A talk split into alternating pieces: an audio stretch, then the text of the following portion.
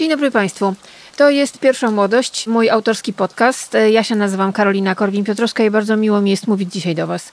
Za oknami taka dziwna jesień, to jesień, trochę wiosna, trochę lato. Diabli wiedzą, co to jest. Czasami można chodzić bez czapki, czasami nawet bez szalika. Ja widziałam ludzi w krótkich rękawkach, no nie wiem, Świat się trochę zmienia, klimatycznie też i to nie jest chyba zbyt dobra informacja. W ogóle dużo dzieje się na świecie. Między innymi 6 listopada, czyli w najbliższy poniedziałek będzie premiera mojego nowego, nowego comiesięcznego podcastu, którego tytuł brzmi Miesiączka, no bo jest to podcast comiesięczny. Już mogę Wam ujawnić, że w tym podcaście wystąpią Katarzyna Kasia, Anna Mochnaczewska, Agata Herbut, Fiolka Najdenowicz i Maciej Machelson. No i ja wystąpię też. Mam nadzieję, że będzie Wam się podobało. Uważnie słuchajcie, śledźcie moje media społecznościowe, tam się wszystkie informacje będą pojawiały.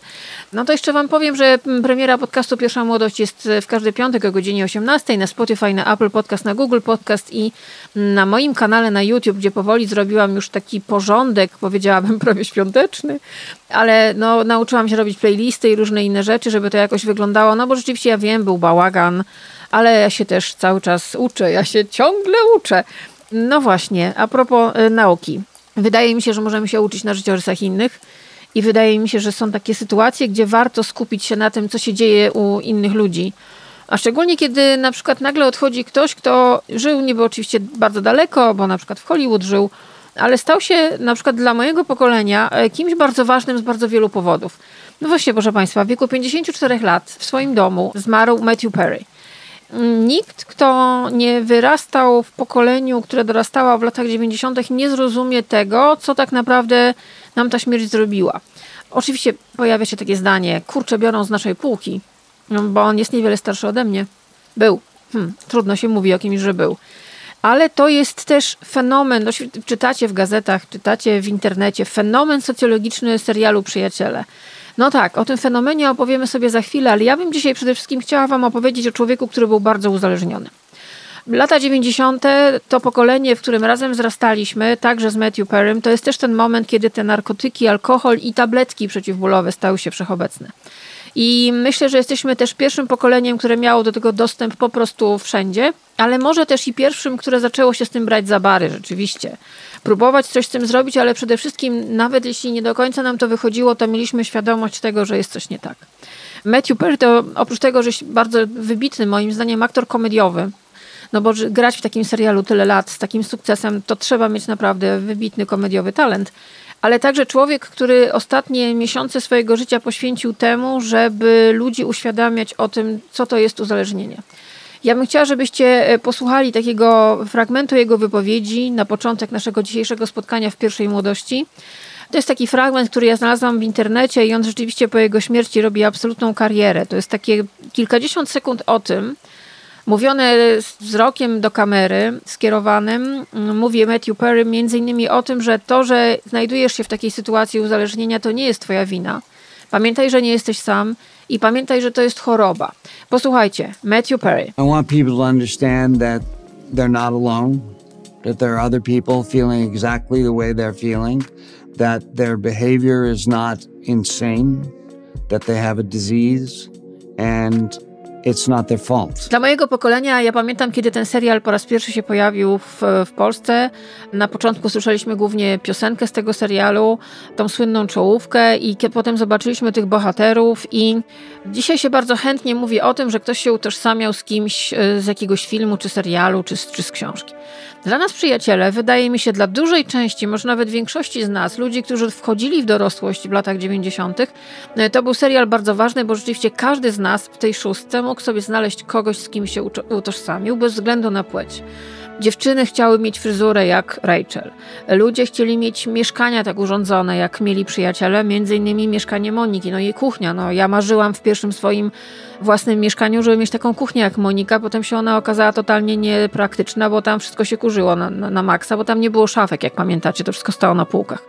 Ludzie patrzyli, jak oni się zachowują, jak się ubierają, no właśnie, jak się zachowują. Ja dzisiaj czytam po śmierci Matthew Perry'ego dużo wpisów moich kolegów, mniej więcej z mojej grupy wiekowej, o tym, że aż im się głupio czasem przyznać, ale mają naprawdę uczucie, jakby zmarł ktoś bardzo ważny. Ktoś, kto jak wielu z nas, mężczyzn i kobiet, chłopców i dziewczyn z tamtego czasu, dzisiaj już ludzi dorosłych, przykrywał swoją y, nieśmiałość, zażenowanie, swój wstyd dowcipami, sarkazmem i ironią. No coś wiemy na ten temat. I myślę, że dlatego też ludzie tak bardzo mocno zareagowali na to, co się stało, bo po pierwsze jest to sprawa bardzo wyraźnie pokoleniowa. To jest ten taki pierwszy wielki globalny serial, który rzeczywiście zmienił potem telewizję na zawsze. My dzisiaj mamy różnych takich właśnie trochę infantylnych, ironicznych, złośliwych, a jednocześnie bogatych wewnętrznie bohaterów w filmach, w serialach, ale pierwszy był Chandler. I trzeba pamiętać o tym, że to była taka postać, której rzeczywiście wcześniej do tej pory nie było też na taką skalę i to była postać, która cieszyła się ogromną popularnością, co też niosło ze sobą potworne obciążenie dla samego tego aktora. On mówił w swojej książce, o której za chwilę, no że jak ludzie się nie, nie śmiali po każdym jego dowcipie, to on wpadał po prostu w czarną rozpacz. To też jest oczywiście tragedia ludzi, którzy żyją z rozśmieszania innych i robią to nawet kiedy w środku chce im się płakać i krzyczeć i są głęboko nieszczęśliwi. Błazen zwykle jest bardzo smutnym człowiekiem. No, Matthew, Matthew Perry coś o tym wiedział. I rzeczywiście ten serial, to co się stało wokół niego, ta moda, która wybuchła, to absolutne szaleństwo, oni byli jak Beatlesi, za chwilę wam przeczytam parę fragmentów książek, ale to jest też historia w ogóle o tym, kim był ten facet. To był ten człowiek, który oczywiście nakręcił 10 sezonów Przyjaciół, który na, za pierwszy sezon dostał relatywnie niewielkie pieniądze, a potem dostawał za odcinek już miliony który był bardzo bogatym człowiekiem, który wpadł też w sidła sławy, o czym mówi. I potem, kiedy ten serial się skończył, bardzo trudno było się odnaleźć. Zresztą wszyscy oni, z wyjątkiem Jennifer Aniston, zdecydowanie mają, mieli problem w ogóle z tym, żeby się odnaleźć w innych filmach, w innych relacjach, w innych produkcjach, w ogóle życiowo, no bo jednak mieli 10 lat jako takiej stabilizacji, funkcjonowali w bardzo fajnej paczce przyjaciół, no i nagle się okazuje, że to się kończy. Zeszli ze sceny niepokonani. No i co robić dalej z tak pięknie rozpoczętym życiem, kiedy no, byli tak naprawdę w szczycie swojej kariery i rzeczywiście no, Jennifer Aniston wzięła się za produkowanie własnych rzeczy, wzięła się bardzo mocno z życiem za bary, zaczęła prowadzić własny biznes, bardzo zainwestowała w coś, co dzisiaj nazywamy marka osobista, no, a ta reszta działo się w ich życiu różnie pojawiały się różne problemy, no między innymi Matthew Perry, który, y, no to co już nie było wtedy tajemnicą, miał co trochę problemy z nałogiem, z nałogami. On był uzależniony od alkoholu, narkotyków i środków przeciwbólowych przede wszystkim. Jak dzisiaj wszyscy otwarcie mówią, wydał 9 milionów dolarów na różne odwyki, był ponad 60 razy podobno w różnych ośrodkach odwykowych. I nie ma się z czego śmiać, wiecie, ja widzę czasami taką narrację, bo tutaj mamy wojnę w gazie, tutaj mamy takie rzeczy, a wy płaczecie nad facetem, który umarł daleko, daleko y, od was pijany w jacuzzi. Po pierwsze, nie stygmatyzujmy ludzi chorych, cierpiących na alkoholizm, bo to jest choroba. Po drugie, trudno jest zrozumieć komuś, kto nie wzrastał w latach 90. i nie oglądał przyjaciół tego, jak dzisiaj reagują ludzie. Jeżeli w poważnej prasie pojawiają się artykuły albo opinie na temat tego właśnie, dlaczego tak bardzo mocno nas to uderzyło, dlaczego to pokolenie tak bardzo mocno przeżyło tą śmierć i czuje się gdzieś osobiście dotknięte, no to coś jest na rzeczy rzeczywiście. Mamy do czynienia z człowiekiem, który pod koniec swojego życia dokonał niesamowitego rozliczenia z tym, co się w, nim, w tym życiu działo. Napisał książkę, mam ją w ręku. Miałam szczęście ją też nawet reklamować na swoim Instagramie w zeszłym roku. Ona się ukazała późną jesienią zeszłego roku. No jej tytuł Przyjaciele, kochankowie i ta wielka straszna rzecz. Ta wielka straszna rzecz, czyli proszę Państwa, no właśnie te nałogi.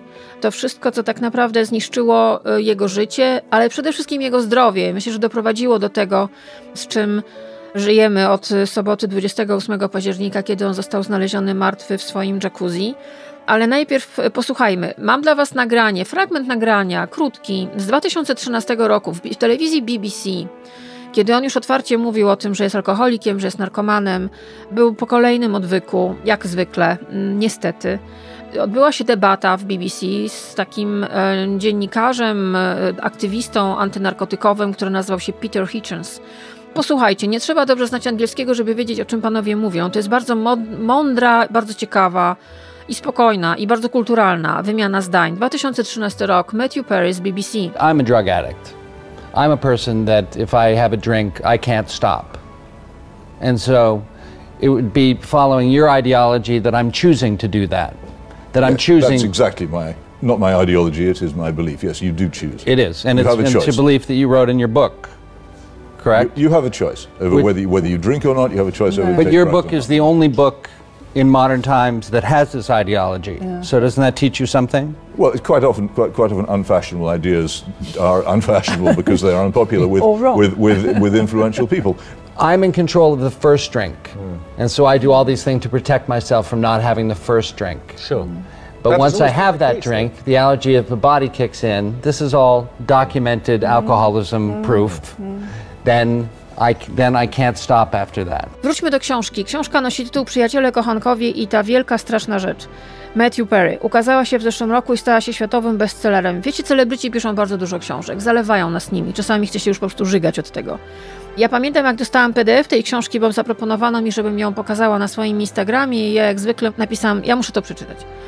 I wiecie co, od pierwszej strony tak naprawdę przepadłam. I miałam wrażenie, że czytam bardzo intymną, bardzo szczerą i bardzo prawdziwą, potwornie bolesną i bardzo smutną spowiedź człowieka, chłopaka, którego ojciec naczu- nauczył pić alkohol, który zawsze czuł się gorszy od innych, który nie dobiegał, nie czuł się godny miłości, przyjaźni, uczucia, sławy, który utopił się prawie w sławie, która go spotkała, kiedy zaczął grać w serialu Przyjaciele, który odrzucał związki z kobietami, ponieważ nie czuł się ich godny. Ta słynna historia, kiedy on rzucił Julię Roberts, bo uznał, że ona jest za piękna i za cudowna, żeby z nim być. Możemy się z tego śmiać, ale to są naprawdę dylematy ludzi, wszystkich, no. Nie trzeba być gwiazdorem hollywoodzkim, żeby poczuć się odrzuconym, niekochanym, do tego utopić y, wszystkie swoje lęki, strachy i troski i wszystkie niepewności w, w narkotykach, w alkoholu, w lekach przeciwbólowych. To jest bardzo mądra, to jest bardzo mocna książka. Z tego co wiem, ona teraz w ogóle jest tylko na, pro, na portalach aukcyjnych w Polsce. Nie dziwię się, bo to świetna rzecz. Przeczytam wam pierwszy fragment. Mam dla was trzy. Pierwszy mówi o tym, jak jego ojciec nauczył go pić alkohol. Zresztą y, jego ojciec był alkoholikiem. Posłuchajcie, to jest y, fragment książki Matthew Perego Przyjaciele, kochankowie i ta wielka, straszna rzecz. Uwaga. Tata też był pijakiem. Każdego wieczora wracał do domu z planu, na którym akurat pracował lub nie pracował, nalewał sobie porządną porcję wódki z tonikiem i wygłaszał zdanie. To najlepsza rzecz, jaka mi się dzisiaj przydarzyła. Mówił tak o drinku. Siedząc obok swojego syna na kanapie w Los Angeles. Potem pił kolejne cztery, a piąty zabierał do łóżka. Tata nauczył mnie wielu dobrych rzeczy, ale niewątpliwie nauczył mnie też pić. To nie przypadek, że moim ulubionym drinkiem była podwójna wódka z tonikiem i że zawsze, kiedy ją piłem, myślałem: To najlepsza rzecz, jaka mi się dzisiaj przydarzyła. Zaledwie strona 61, proszę Państwa, i wchodzimy w bardzo mroczną opowieść. Zresztą ona uderza od pierwszych stron ostrym hardcorem, polegającym na tym, jak wygląda świadomość człowieka, który już jest na granicy dwóch światów. On się znalazł na granicy dwóch światów wiele razy w swoim życiu. Lekarze dawali mu 2% życia w pewnym momencie. Nie tylko był uzależniony od alkoholu, od narkotyków, potem w ogromnej ilości od leków, o tym za chwilę, ale od, pojawiła się ta sława. Ta sława, która przyszła z serialem Przyjaciele, który, jak mówię, stał się globalnym fenomenem i oni byli witani, fetowani wszędzie, gdzie się pojawili, jak Beatlesi. Posłuchajcie, to jest fragment książki Matthew Perego Przyjaciele, kochankowie i ta wielka, straszna rzecz. A więc przyszła sława. Zgodnie z naszymi przewidywaniami, przyjaciele okazali się wielkim hitem, a ja nie mogłem narazić tego na szwank. Uwielbiałem pozostałych aktorów, uwielbiałem scenariusz, uwielbiałem wszystko w tym serialu.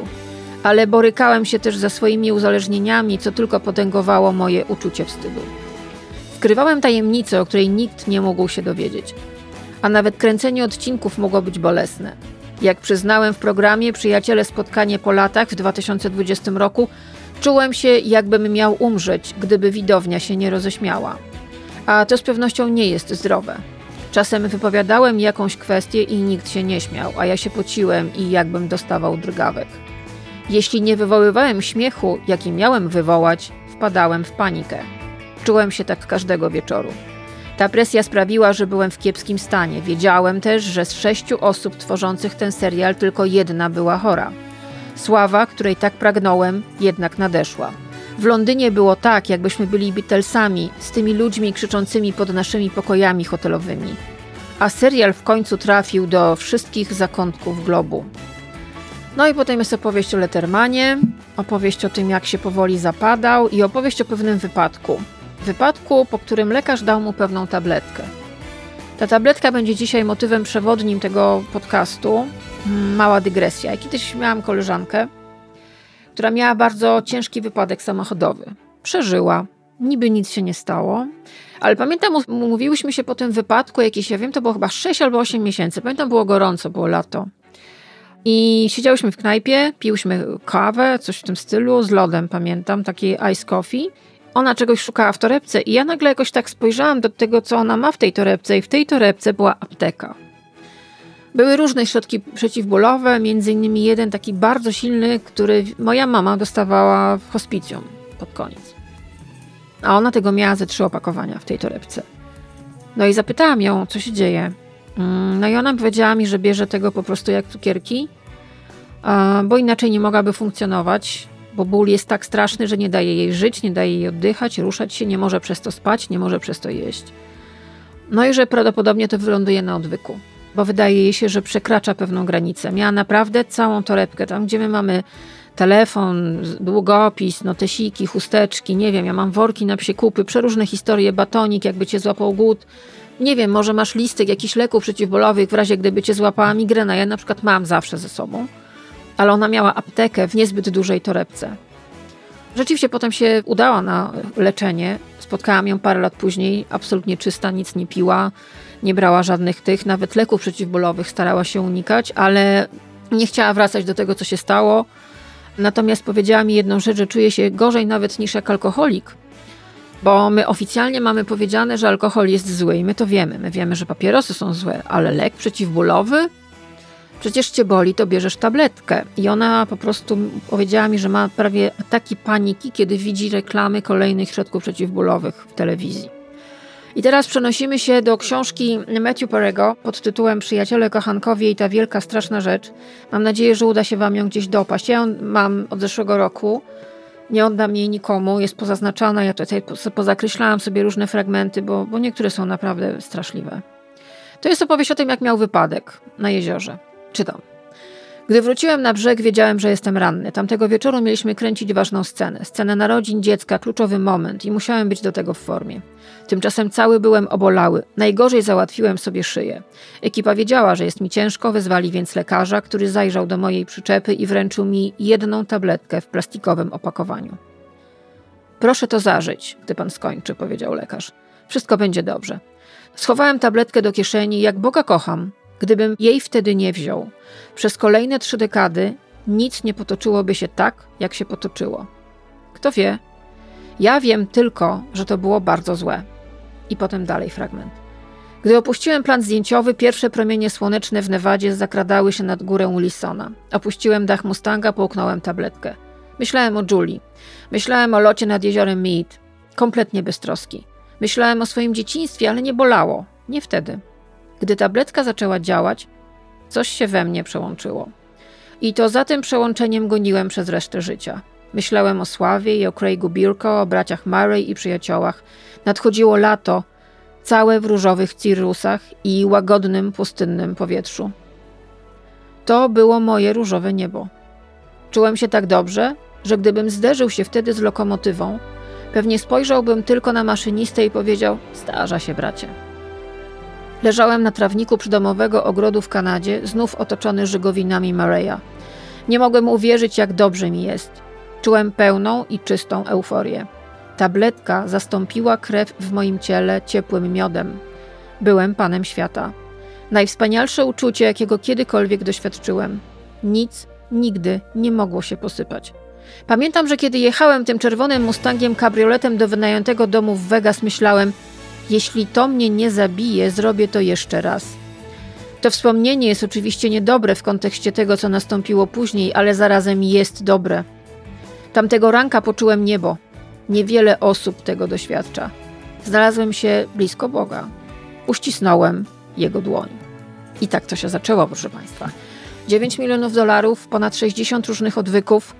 Tak to po prostu wyglądało i Potem media obudziły nas rano dokładnie z tym. Friend star Matthew Perry, the Emmy-nominated actor best known for his role as Chandler Bing, has died at 54. The shocking news overnight about the death of actor Matthew Perry, the Friend star who famously played Chandler Bing passing away at 54 years old. Tonight, new details surrounding the death of beloved actor Matthew Perry.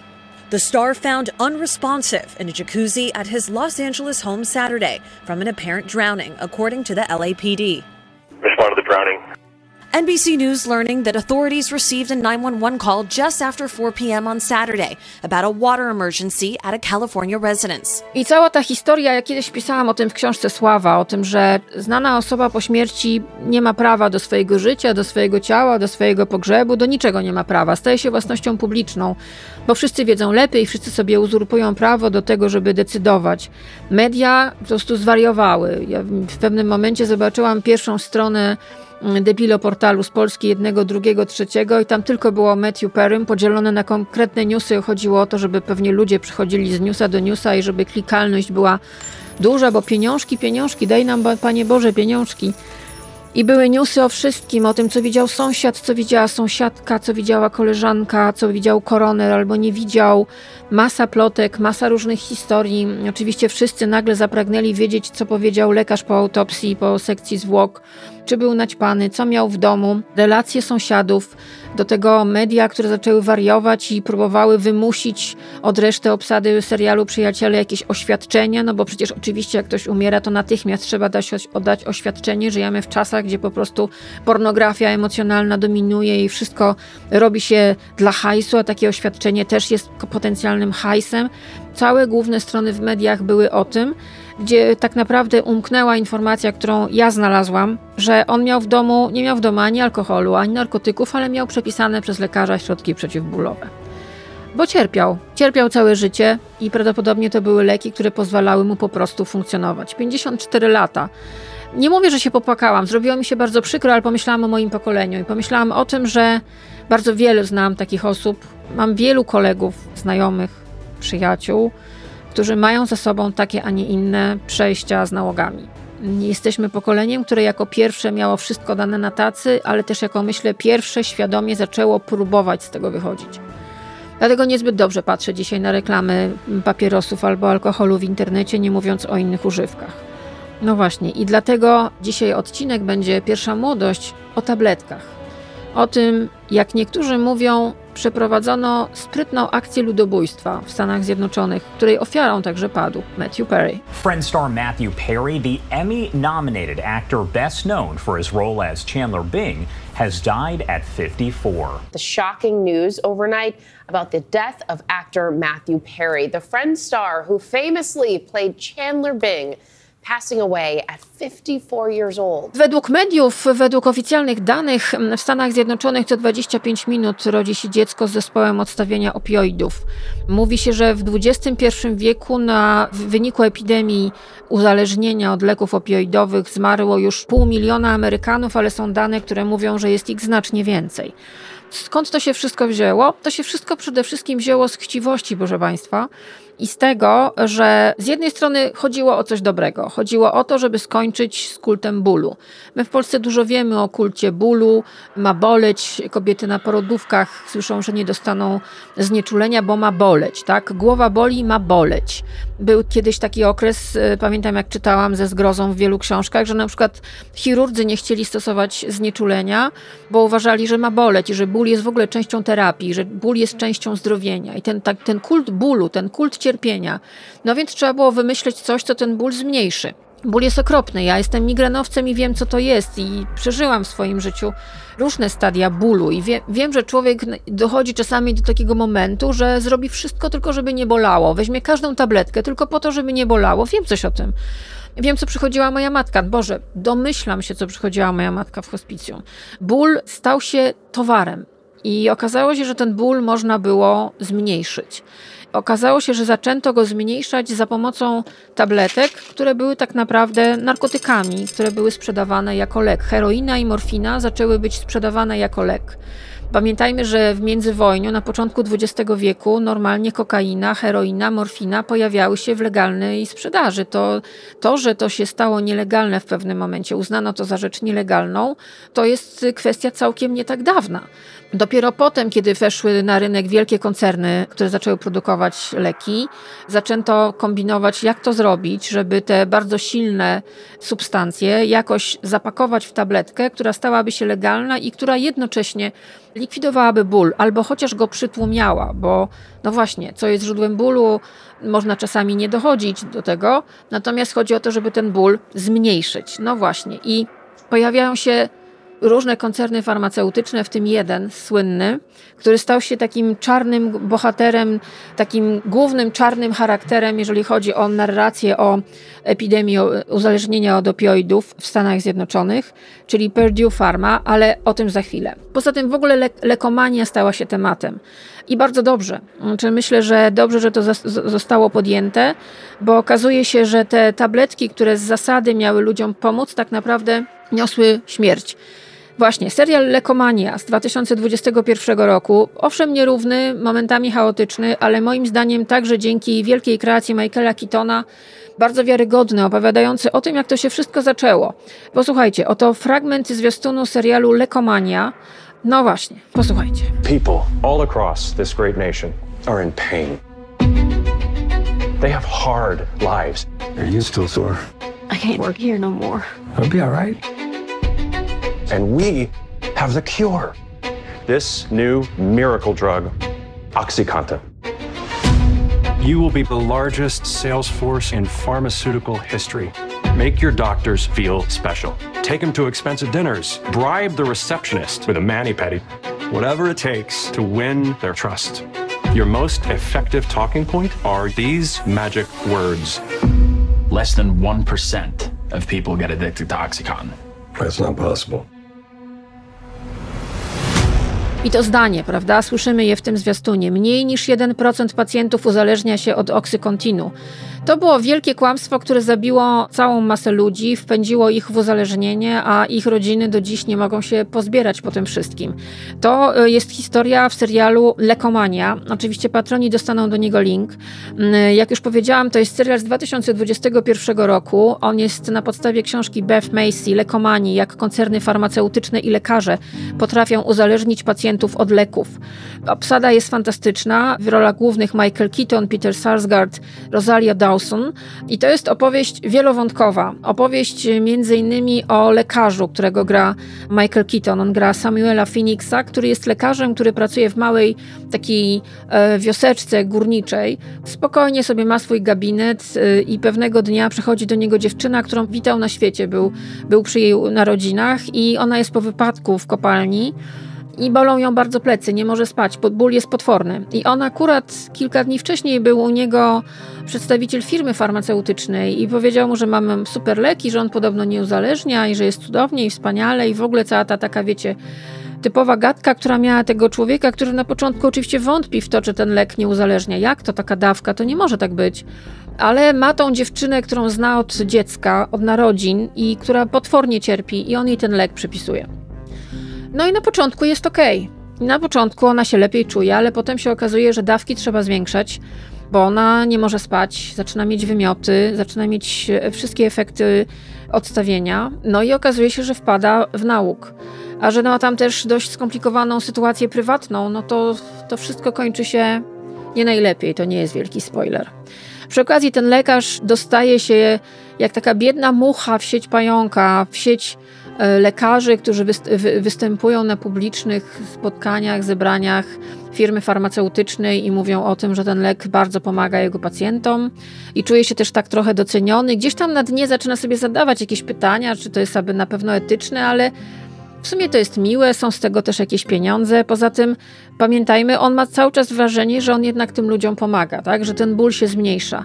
Mm, no tylko potem się okazuje, że ten oksykontin, lek, który był produkowany jako nieuzależniający, powoduje potworne uzależnienia i potworne skutki uboczne.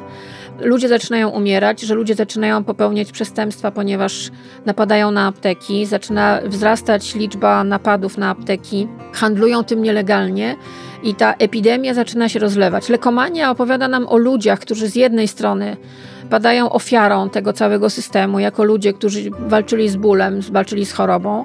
Opowiada nam o ludziach, o lekarzach, zarówno tych, którzy byli przekupieni przez koncerny farmaceutyczne, jak i tych, którzy w pewnym momencie się ocknęli z tego wszystkiego i zrozumieli, że jest bardzo źle i zaczynali wołać na alarm, że słuchajcie, to jest nieprawda, co nam sprzedają, to jest nieprawda, co nam mówią, że te leki uzależniają i że one zabijają. I to jest opowieść też o rodzinie, saklerów, którzy świadomie manipulują danymi, fałszują dokumentację, fałszują materiały reklamowe, robią bardzo sprytne w ogóle materiały reklamowe o tym leku, który zaczyna być po prostu swego rodzaju fenomenem, który wszyscy prawie lekarze, albo większość zdecydowana w Stanach Zjednoczonych zaczyna zapisywać ludziom na prawie każdy ból.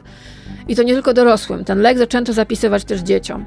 I ten film przeraża, znaczy, bo on pokazuje, jak chciwość i głupota dominuje na wszystkich możliwych poziomach i że ofiary tak naprawdę zostają bezimienne, zostają anonimowe i że jest ich coraz więcej, natomiast saklerowie zarabiają coraz więcej pieniędzy i mimo tego, że w wyniku przegranego procesu musieli zapłacić ogromne odszkodowania, wcale nie stali się specjalnie biedniejsi. Może mniej ludzi zaprasza ich na garden party, ale to są dalej miliarderzy, znaczy to są ludzie, którzy cynicznie dorobili się ogromnych pieniędzy na cierpieniu ludzi i na fałszowaniu rzeczywistości.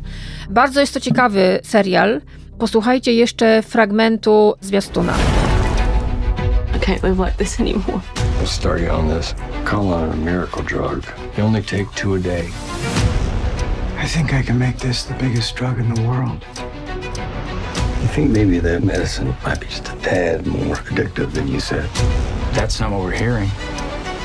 Something is happening here. There might be a unique situation brewing. A pharma company is lying about their medication. We have to go after the makers of Oxycontin. My patients trusted me. I can't believe how many of them are dead now. We're going to do everything in our power to make sure justice is served.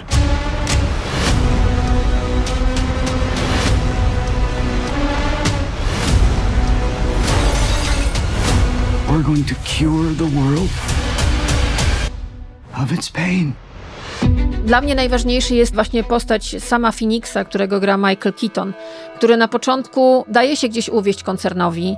On dba o swoich pacjentów, zna tych wszystkich ludzi. To jest mała miejscowość. On zna całą tą młodzież, bo był przy ich narodzinach, zna ich rodziców i on chce, żeby ci ludzie nie cierpieli, a też wie o tym, że jeżeli będzie ich boleć, jeżeli będą brali zwolnienia, jeżeli nie będą chodzili do pracy, nie będą zarabiali pieniędzy. W związku z tym to jest tak naprawdę błędne koło i on chce pomóc. On wie, że pewne dolegliwości wynikają z charakteru pracy, która jest bardzo ciężka, bardzo przeciążeniowa. Widzi też znanych lekarzy, którzy sprzedali swoją twarz tej korporacji, ale wierzy im, bo nie wie, że za tym stoją ogromne pieniądze i widzi, jak, jak widzi, że jedno, drugie nazwisko poleca ten lek, no to on chce tym ludziom pomóc. No, ale potem się okazuje, że sam wpada w, w, bardzo nieetyczną historię, ale potrafi się z niej wydostać. A to jest bardzo znamienna postać, bo tak naprawdę tą całą aferę zaczęli ukrócać oczywiście prawnicy, prokuratura, zaczęto się tym interesować oczywiście media, ale też sami lekarze, którzy wołali na alarm, że słuchajcie, ludzie zaczynają umierać, to jest śmiertelny lek. No właśnie, proszę Państwa, niedawno pojawił się także bardzo ciekawy serial, trochę gorszy od Lekomanii, ale skupiający się bardzo na saklerach, bo tak jak Lekomania pokazuje nam to wszystko bardzo wielowątkowo i momentami to jest trochę chaotycznie i muszę przyznać, że trzeba naprawdę się turbo skupić. Ale rzeczywiście można też z tego dużo wyciągnąć, ale te odcinki są bardzo nierówne. Natomiast pojawił się serial pod tytułem Zabić ból na Netflixie, głównie właśnie o rodzinie Sacklerów. Zresztą posłuchajcie, to jest fragment zajawki tego filmu. I am an investigator with the U.S. Attorney's Office. You lie, you hurt people, you go down. You ever prosecute a company as big as Purdue Pharma? Sackler. All of human behavior is essentially comprised of two things run from pain, run toward pleasure. Pain, pleasure, pain, pleasure. If we place ourselves right there between pain and pleasure, we will never have to worry about money again. Pain is no longer something we have to tolerate. We have an answer. How can something legally prescribed be killing so many people? Tell me what words you associate with oxycodone. Oxy what? Oxycoffins. Excuse me? Don't put that in the notes. We are under investigation. No i to jest serial sześciodcinkowy. On nosi tytuł Zabić ból. Wyreżyserował go Peter Berg i scenariusz e, powstał w oparciu o książkę pod tytułem Zabić ból, Imperium Oszustwa i kulisy epidemii opiatowej w Stanach Zjednoczonych.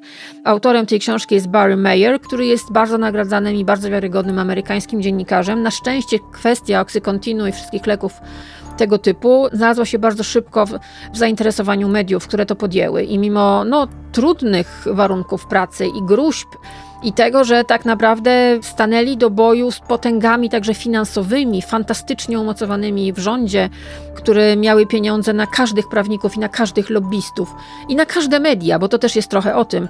Też media w Stanach zrobiły dużo bardzo dobrej roboty i niezależni dziennikarze, którzy to podjęli.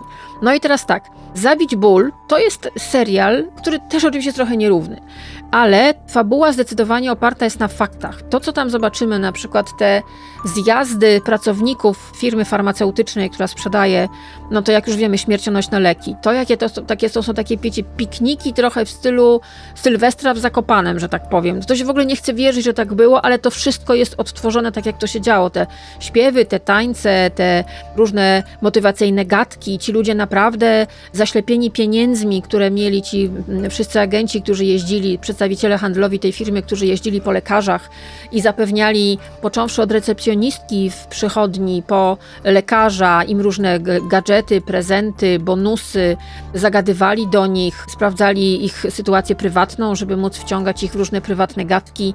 No wiecie, takie rozmiękczanie materiału, ale za to mieli konkretne pieniądze. Tam bardzo szybko przedstawiciele handlowi w tych firmach które sprzedawały te leki, stawali się osobami bardzo majętnymi. Tam jest historia takiej dziewczyny, która Mówię o serialu Zabić Ból, która no, marzy o tym, żeby mieć mieszkanie i Porsche i bardzo szybko ma i to mieszkanie i Porsche i generalnie życie jest wspaniałe i stać ją na torebki za grube pieniądze.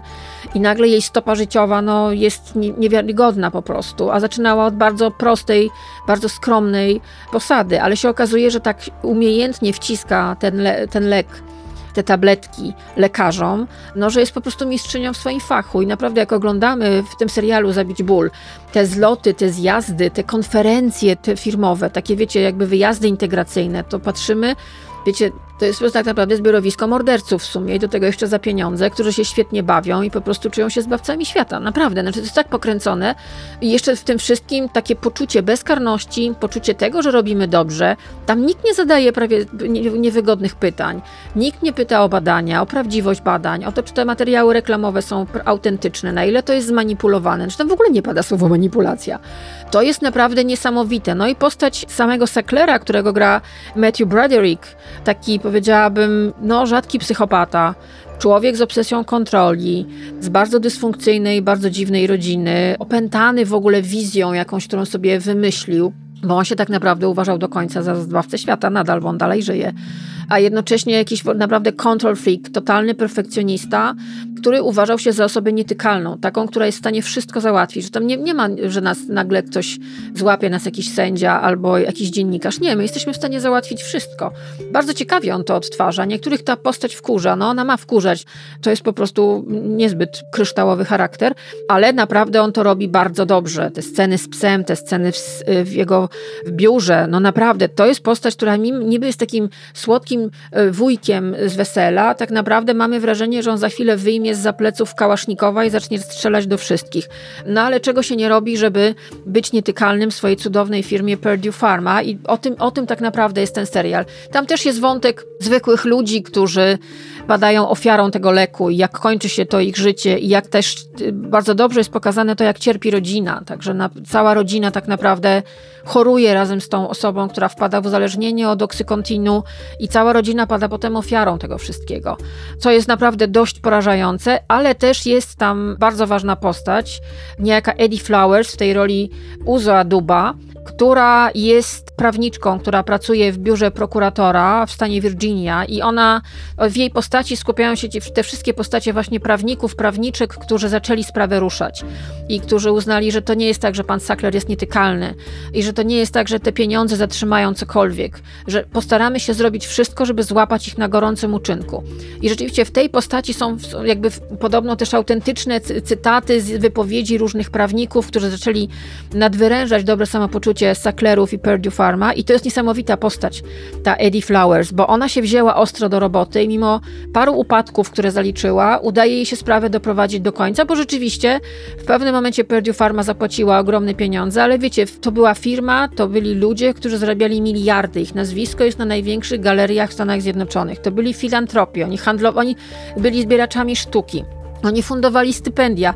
No naprawdę, zbiorowisko dobrych cioć i wujków i wszystko w ogóle cudowne koci łapci. A to się okazuje, że cynicznie wprowadzili na rynek lek, o którym wiedzieli od początku i o im udowodniono, że może być bardzo niebezpieczny i że to, co oni mówią, że on nie uzależnia, było od początku kłamstwem. Oni wiedzieli, że to uzależni. I rzeczywiście ten serial pokazuje mechanizmy, które doprowadziły do tego, dlaczego tego, co się dzieje w Stanach. Pewnie jak oglądacie czasami media społecznościowe, to widzicie takie dziwne filmiki. Na przykład ja ostatnio widziałam z San Francisco ludzi, którzy wyglądają jak bezdomni, są dziwnie powyginani, chodzą dziwnie zgięci, albo na przykład zwisają z jakiejś ławki, mają dziwnie powykręcane kończyny i to są ludzie, którzy są uzależnieni od opioidów. Tam dziennie, według najnowszych danych, umiera oficjalnie 40 osób w Stanach Zjednoczonych ze względu na uzależnienie od opioidów. Ten serial też pokazuje to, jak opioidy nie weszły, jak te leki nie weszły do Europy, chociaż y, podobno, ja już czytałam niedawno w jednym z polskich mediów, że one już mogą, można je sobie sprowadzić, jak ktoś chce, co już jest w ogóle jakąś abstrakcją, jakimś czym, czymś potwornym. Ale pamiętajmy, to są leki, które pozbawiły życia bardzo wielu Amerykanów, które pozbawiają ludzi życia na całym świecie, ale to są leki, ta opowieść o nich to jest też opowieść o tym, jak silny jest marketing, jak można ludziom reklamie telewizyjnej sprzedać lek przeciwbólowy, który ich zabije. To jest o tym, że pieniądz rządzi i nic nam do tego, że ma, jesteśmy naprawdę małe, małe robaczki w stosunku do tego, co nam się serwuje. I o tym, że politycy często są tak zlobbowani, są tak pod wpływem lobbystów i pieniędzy, i wpływów, i koneksji, bo to też jest historia o koneksjach, które miała rodzina Sacklerów. I oni naprawdę przez lata byli nietykalni. A w tym wszystkim ludzie, no ludzie są niewiele warci. Could you tell me everything you know about Oxycontin? You like horror movies? Baby, the bad, bad things. You will be convincing doctors to take pain seriously. Oxycontin is the one to start with and the one to stay with. The more you prescribe, the more you'll help. It is now the number one opioid in the country. This drug is permeating every part of our community. You're the cutest little Oxycontin kitten we've seen in a minute. If it's working, which it is, we can increase the dose. Let's kick you up to 40 milligrams. It doesn't just kill people, it destroys the families and friends. You're a drug dealer with a ponytail. You bought that car with the death of a 16 year old girl. They are doing the exact same thing as every crack dealer in America, except they are getting rewarded for it.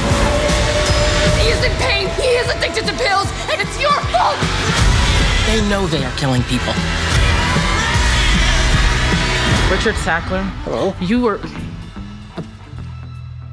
You did a good job making all that money, sir. Thank you.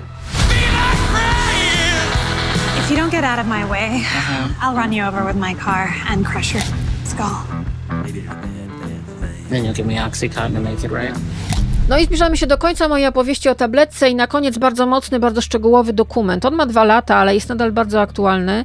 Sam tytuł, Zbrodnia stulecia. No to już ten tytuł mówi bardzo wiele. Jest na HBO, jest w ogóle na kilku platformach. Pa oczywiście patroni dostaną do tego link. I to jest, od razu wam mówię, to jest duża, trudna rzecz, bo to jest y, bardzo szczegółowy serial dokumentalny, bo te dwa, o których wam mówiłam, to były seriale fabularne oparte na książkach napisanych przez dziennikarzy. Tu mamy dokument. Tu innymi poznajemy pana Sacklera, który pojawia się w obu serialach, o których wam mówiłam przed chwilą. Poznajemy jego rodzinę, prawników, poznajemy tego lekarza, który stał się twarzą w pewnym momencie najbardziej reklamującą y, leki opioidowe. Poznajemy ofiary, poznajemy ludzi, którzy opowiadają o tym, jak na przykład tam jest mężczyzna, którego żona była uzależniona od oksykontinu które to lek przepisywał jej pewien znany lekarz i mąż po prostu przychodził do domu na przykład i znajdował ją w dziwnych pozach, właśnie tak dziwnie powyginaną, leżącą w salonie, nagle w piwnicy. Nie wiedział, co się dzieje. To jest opowieść o ludziach, którzy nie są lekarzami, ale próbowali dojść, co się dzieje, jakie tabletki bierze ich matka, bierze ich żona, że nagle zaczyna się tak zachowywać i że dzieją się z nią dziwne rzeczy. Ta pani niestety zmarła. No i widzimy twarze tych ludzi, którzy stracili swoich bliskich. Widzimy prawników, widzimy sędziów, widzimy lekarzy, widzimy ludzi, którzy zajmują się w ogóle e, szeroko pojętą medycyną, reklamą medyczną, bo to jest tak naprawdę w, seria- w tym dwuodcinkowym serialu Zbrodnia Stulecia, ten tytuł mówi już wszystko, ponieważ teza twórcy tego serialu, Alexa Gibneya, który jest e, między innymi twórcą takiego filmu jak Dolina Krzemowa w kropli krwi wynalazczyni, czy Przekręt w Enronie, no facet, y, który też zrobił świetny dokument o scjentologii, no to jest człowiek, który jest no, wielką klasą i tutaj jakby widać ogromny research, ogromną pracę wykonano, żeby tu wszystko było zgodnie z prawdą i żeby ci ludzie, o których mu chodzi, wystąpili. Tydzień temu mówiłam wam o dobrych dokumentach, no to jest wybitny dokument. Znaczy, to jest oczywiście długie, to ma prawie trzy godziny i to jest bardzo trudne w odbiorze, bo od samego początku, od pierwszych kadrów, słuchając głosu Zofu, no my słyszymy rzeczy naprawdę potężne. Znaczy to są, mamy, od razu mamy postawioną tezę, że to tak naprawdę była y, epidemia opioidów, to tak naprawdę była i jest swego rodzaju zorganizowana zbrodnia na ludziach, na ludzkości, która ma doprowadzić do tego, że po prostu ci słabsi będą, ci, ci, bardziej podatni, ci biedniejsi, bo to też jest kwestia tutaj stanu konta tych ludzi, to też słyszymy w tym serialu, no będą po prostu umierać. Zresztą posłuchajcie, to jest fragment mm, zwiastunu filmu pod tytułem, serialu pod tytułem Zbrodnia Stulecia. I came out of the doctor's, and there was a representative of Purdue. She said, We have a drug called Oxycontin. We pick up all the costs. Just take as much as you need. I said, Sounds like a deal. Within the last 20 years, more than 500,000 Americans have been killed by overdoses. Controlled release Oxycontin would be the drug that triggered the opioid crisis. But what if we discovered that the crisis started with a crime. When we talk about drugs like oxycodone, you're talking about drugs that are essentially heroin pills. Opioid makers started to promote their opioids for common chronic pain conditions. Purdue didn't have any evidence that the drug was safe, so the company obtained the help of a medical officer at FDA. This is the first time I've ever seen this. This isn't just unethical. I think this could be illegal. Hundreds and hundreds of sales reps go out and meet with doctors and say, the FDA approved this. Big Pharma celebrated its marketing muscle, using parties to lure doctors to write scripts. This was a new drug cartel. There were drug dealers wearing suits and lab coats. Basically, here's some money, write some scripts. Yes, I'm looking at this and I'm going, clearly we're breaking the law. Purdue ends up getting pursued by the authorities. The company lied under oath. Ethics did not play a role. The companies took out their checkbooks and paid to keep the evidence hidden. You are basically telling pharmaceutical companies you have a green light to do this. It explains how America got hooked on opioids. Doctors willing to be paid to prescribe the drug, those are the people that are going to get you promoted and eventually put you in prison. The abuse exploded and spread like cancer. When you're in that much pain and, and you're addicted to such a high dose, you're a trap rat. When the companies didn't like that they were being held accountable, they decided to change the statute. They should be changing their behaviors, not the rules. People were dying by the tens of thousands, and their own representatives are basically selling them down the river. If you talk to people whose lives have been touched, what does matter to a lot of these people is truth. Ten serial pochodzi z 2021 roku i opowiada w ogóle skąd się to wzięło. Tak jak już powiedziałam, dokument wyreżyserowany jest przez zdobywcę Oscara Alexa Gibneya i on pokazuje działania koncernów, wielkich koncernów farmaceutycznych, nie tylko Purdue Pharma, ale w ogóle ich działania i to, jak oni bezkarnie działali przez lata, jak forsowali swoje nawet przepisy, ustawy, jak produkowali te leki i jak specjalnie dystrybuowali je w delikatnie mówiąc lekkomyślny sposób, co doprowadziło do wybuchu potwornej epidemii nadużywania opioidów. Przy okazji to jest też bardzo ważne, bo w pierwszym odcinku mamy do, w ogóle opowieść o tym, jak Ameryka podchodziła do bólu I na przykład no, lata 90., to co Wam mówiłam na początku, że wielu lekarzy w ogóle uważało, że ból jest częścią składową procesu leczenia, zdrowienia, że starsze osoby lepiej tolerują ból i że na przykład wszystkie środki przeciwbólowe są silnie uzależniające i generalnie ten ból po prostu boli, ma boleć, tak? No ale potem się okazało, że na tym bólu można zarobić ogromne pieniądze. I niekoniecznie lecząc przyczyny tego bólu, tylko po prostu y, y, zmniejszając jego natężenie. No i tam rzeczywiście mamy rok 1995, kiedy Purdue Pharma wypuszcza Oxycontin. To jest ten silny opioid. I nagle okazuje się, że dzięki totalnej reklamie, widzimy te reklamówki, one też są zresztą w serialu Lekomania. Widzimy te filmy reklamowe, które były normalnie w telewizji w godzinach największej oglądalności, na których e, zachwyceni pacjenci mówili o tym, że już ich nie boli, że ich życie zyskało w ogóle na jakości, że wreszcie mogą żyć fantastycznie, pełnią życia, pięknie się uśmiechają do kamery.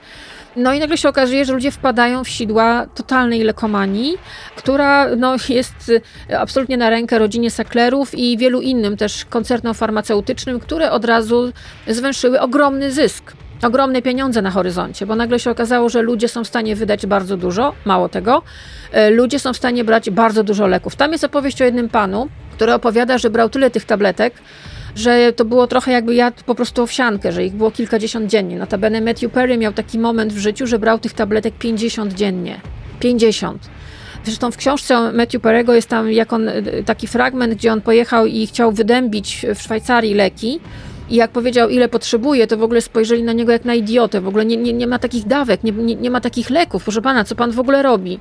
No więc takie dawki, które na przykład tam jedna lekarka w tym serialu, o którym wam mówię, podają jej y, dziennikarze, ilość leków, jaką y, liczbę leków, tabletek, które przepisywano jednej osobie. I ona mówi, że ona mogłaby to przepisać, ale tylko w jednym warunku, moment, jednym momencie, kiedy miałaby do czynienia z leczeniem paliatywnym, żeby po prostu ulżyć pacjentowi, który umiera. I chodzi o to, żeby nie, nie krzyczał z bólu, że to jest jedyny moment, że, ale też musiałaby mieć wskazania lekarskie. A to się okazuje, że człowiek, który normalnie miał funkcjonować i żyć, dostawał kilkadziesiąt różnych tabletek i tam z OFU i tam na ekranie nam pokazują się ile tego, ile tamtego, ile tamtego i to były leki legalnie przepisane przez lekarzy, plus jeszcze zmieszane mm, z lekami antydepresyjnymi, bo bardzo często takie mieszanki też się pojawiają.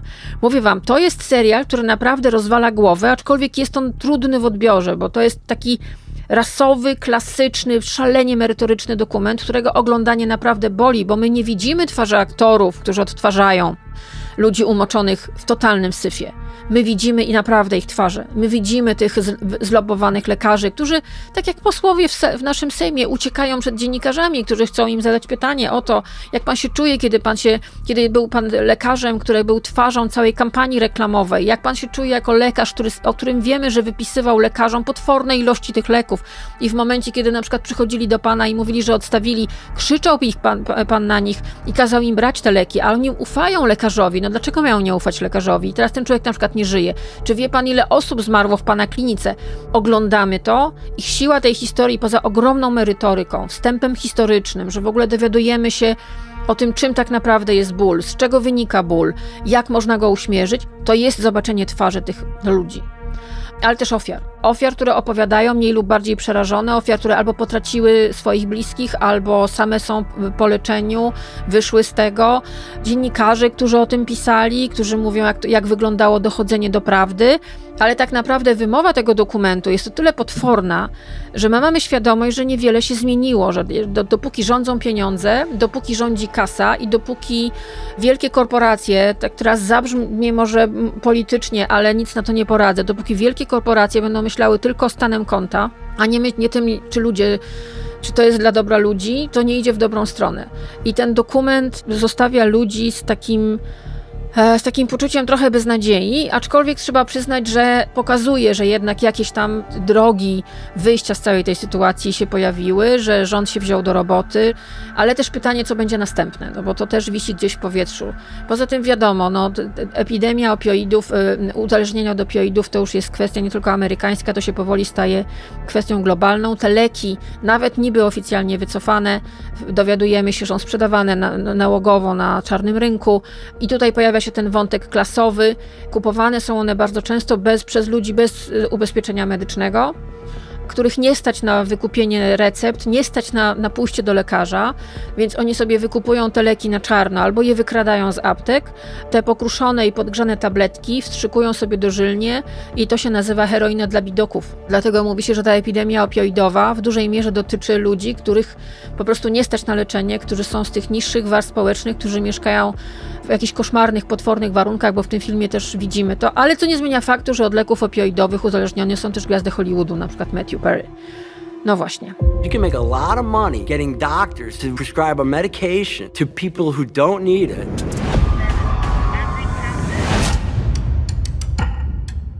Oxycontin was what they stressed they wanted sales out of. Hundreds and hundreds of sales reps go out and meet with doctors. The doctor, he's a businessman. I gotta show him the WIFM. What's in it for me?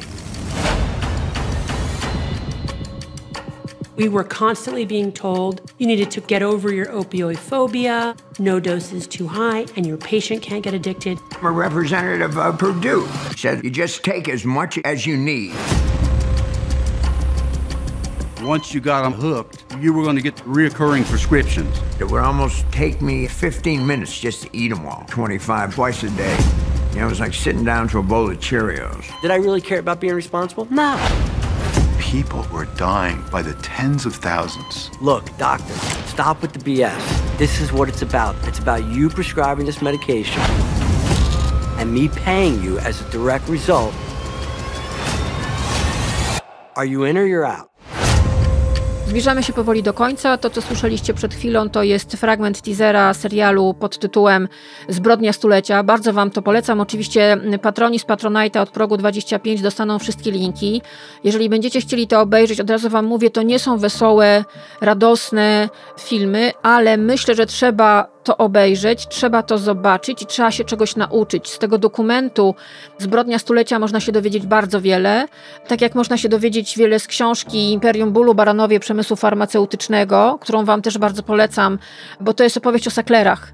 I ona jest też wstrząsająca. O tych saklerach, których oglądamy w dokumencie HBO i których oglądamy w serialu Lekomania między innymi, czy w serialu Zabić Ból, bo ci ludzie żyją, oni sobie fantastycznie funkcjonują i w ogóle oficjalnie się im złego nie dzieje, co jest też dość przerażające. To jest też opowieść o tym, że ludzie mają na, na koncie ileś istnień ludzkich, które zmarły, bo wielkie koncerny farmaceutyczne dążyły tylko do tego, żeby zarobić jak najwięcej pieniędzy. A tak naprawdę teraz są bezkarni, sobie gdzieś tam siedzą. W ogóle Sackler ma tam osiemdziesiątkę, e, jak ostatnio czytałam, i, i, i w ogóle sobie żyje, chodzi z pieskiem na spacer i w ogóle cudnie. Niesamowite, potworne. Zbliżając się do końca, mm, znalazłam na Instagramie, radzę Wam śledzić konto Roberta Rutkowskiego, który jest specjalistą od uzależnień. Sam był osobą uzależnioną Miałam okazję z nim kiedyś rozmawiać ze dwa razy i naprawdę no, to jest człowiek, który ja uważam robi bardzo dużo dlatego, żeby ludzie się nie uzależniali, bo mówi o sobie na swoim własnym przykładzie i na przykładzie wielu osób, które e, leczył, którym pomagał, czym tak naprawdę jest uzależnienie. Wracam trochę do takich trochę niefajnych komentarzy, które się pojawiły, że jakiś alkoholik albo narkoman utopił się w swoim bogatym jacuzzi. Tak naprawdę osoba chora po prostu prawdopodobnie nie dała już rady, może nie wytrzymało serce, nie wiemy. E, Robert Rutkowski na swoim Instagramie napisał tekst, który chciałabym Wam tutaj przeczytać. Posłuchajcie uważnie. Zmarł aktor. Podobno grał w kultowym sitcomie. Czy to było dobre kino, nie wiem, nie oglądałem. Nie wzruszył mnie ten aktor żadną swoją rolą. Interesuje mnie jednak fakt, że padł kolejny człowiek. Tam, gdzie to się wydarzyło, czyli w Stanach Zjednoczonych, jest to kolejny zgon z powodu epidemii opioidowej. Zwracamy na to uwagę tylko dlatego, bo aktor był znany. Od 2000 roku ponad milion osób w Stanach Zjednoczonych zmarło z powodu przedawkowania narkotyków. Większość tych zgonów była spowodowana opioidami. Z powodu śmierci kolejnego aktora narkomana żadnej refleksji i przestrogi nie będzie. Wielu nadal sądzi, że miał fajne, pełne wrażeń życie i pójdzie tą samą drogą. Aktor wydał na odwyki 9 milionów dolarów. Byłem na pogrzebach kilku bogatych heroinistów w dawnych czasach, gdy sam miałem z nią duży problem. Miałem jednak to szczęście, że moja rodzina nie była bogata, a ja bardzo chciałem żyć. Nieograniczone fundusze i opioidy w tle to piekielna mieszanka, prowadząca często do grobu. Czy czeka nas w Polsce fala opioidowego tsunami? Nie ma wątpliwości. Pytanie nie brzmi czy, tylko kiedy. To właściwie się już dzieje. Szlak jest przetarty. Pacjentów z tym problemem jest niestety coraz więcej.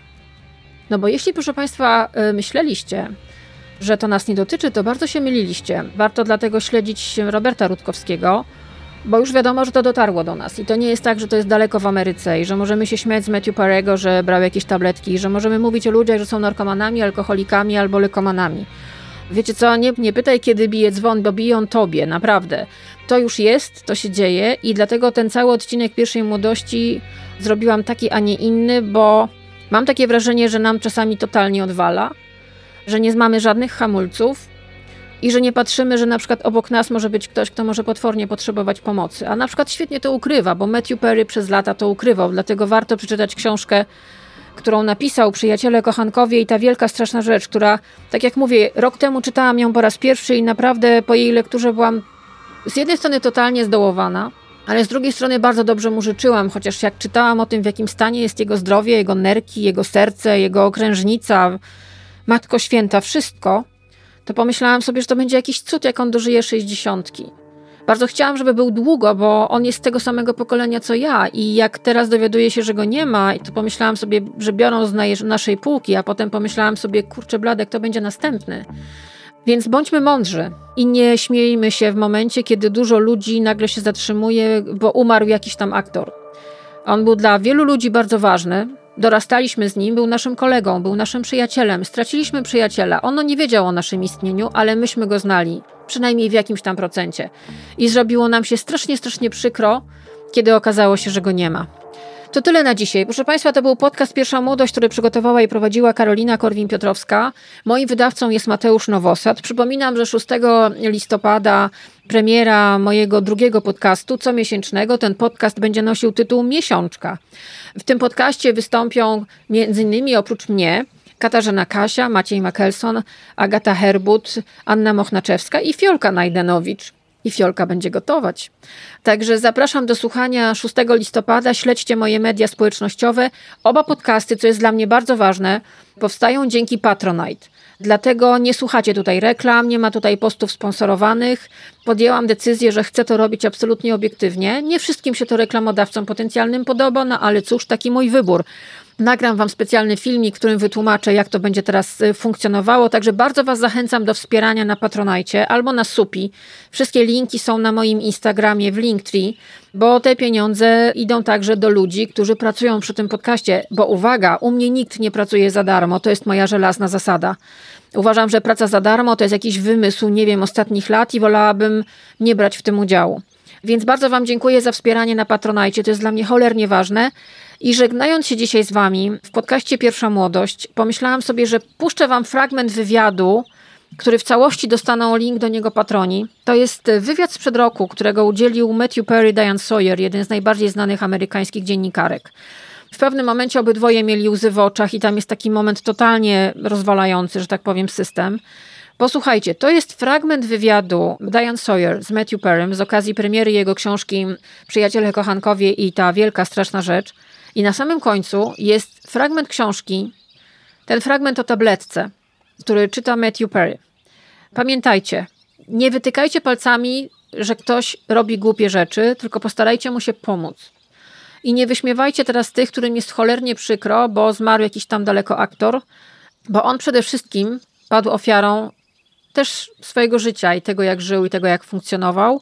Ktoś mu kiedyś nie pomógł, wyrósł w takim, a nie innym domu, nie umiał sobie poradzić z wieloma rzeczami. Myślę, że w dzisiejszych czasach bardzo szybko i bardzo łatwo przychodzi nam palenie kogoś na stosie i niszczenie i wyśmiewanie, a ja bym się tutaj akurat skupiła bo mamy do czynienia z bohaterem pewnego pokolenia i ten bohater odchodzi w kwiecie życia w 54 roku swojego żywota, ale wcześniej wydaje książkę, która jest takim dzwonkiem alarmowym dla nas wszystkich, bo to, co on przeżył, może spotkać każdego z nas, tylko może nie każdy z nas będzie miał 9 milionów dolarów, żeby wydać to na swoje detoksy i próbę powrotu do normalnego życia. A więc na koniec pierwszej młodości Matthew Perry i Diane Sawyer i potem Matthew Perry, który czyta fragment swojej książki. Do usłyszenia za tydzień. Bądźcie zdrowi, bądźcie mądrzy i miejcie zrozumienie dla innych ludzi. Do usłyszenia. And now I finally feel okay and feel like I've got some strength. What does it mean to feel okay? It means that I've developed some safety nets around this. You know, for some reason, it's obviously because I was on Friends, more people will listen to me. So I've got to take advantage of that. I've got to help as many people as I can. I swear to God, I think if I'd never taken it, none of the next three decades would have gone the way they did. Who knows? But when I woke up, 40 more pills had been delivered to my house.